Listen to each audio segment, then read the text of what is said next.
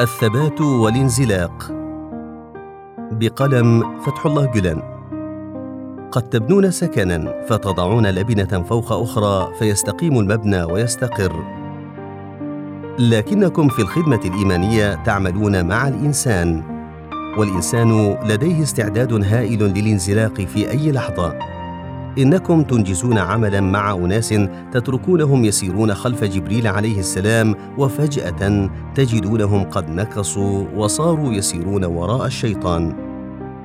التوقف انهيار. إن توقفتم في حياتكم الفردية أو الاجتماعية ينهار كل شيء. إن توقفتم في خدمتكم الإيمانية ينهار كل شيء. يقول تعالى فخلف من بعدهم خلف أضاعوا الصلاة واتبعوا الشهوات فسوف يلقون غيا.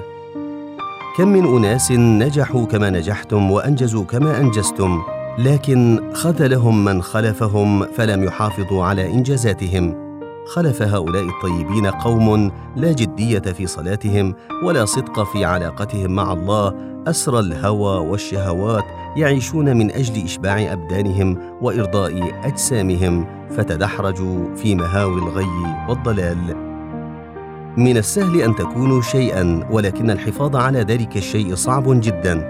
قد تكونون من السابقين في الدعوه فيأخذكم الغرور والتباهي وتعملون على فرض أنفسكم على الآخرين تقولون على الجميع أن يسمعني ويطيعني.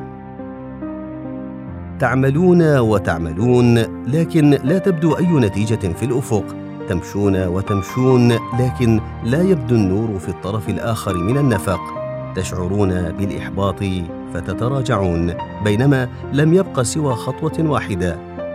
صروا على أسنانكم وتقدموا خطوة أخرى فإذا بالنور أمامكم سيحتضنكم. قد تهتز ثقتكم في لحظة ما عندما لا يؤدي عملكم إلى نتيجة. تقولون ها نحن نعمل منذ سنين نسعى نكدح لكن أين النتيجة؟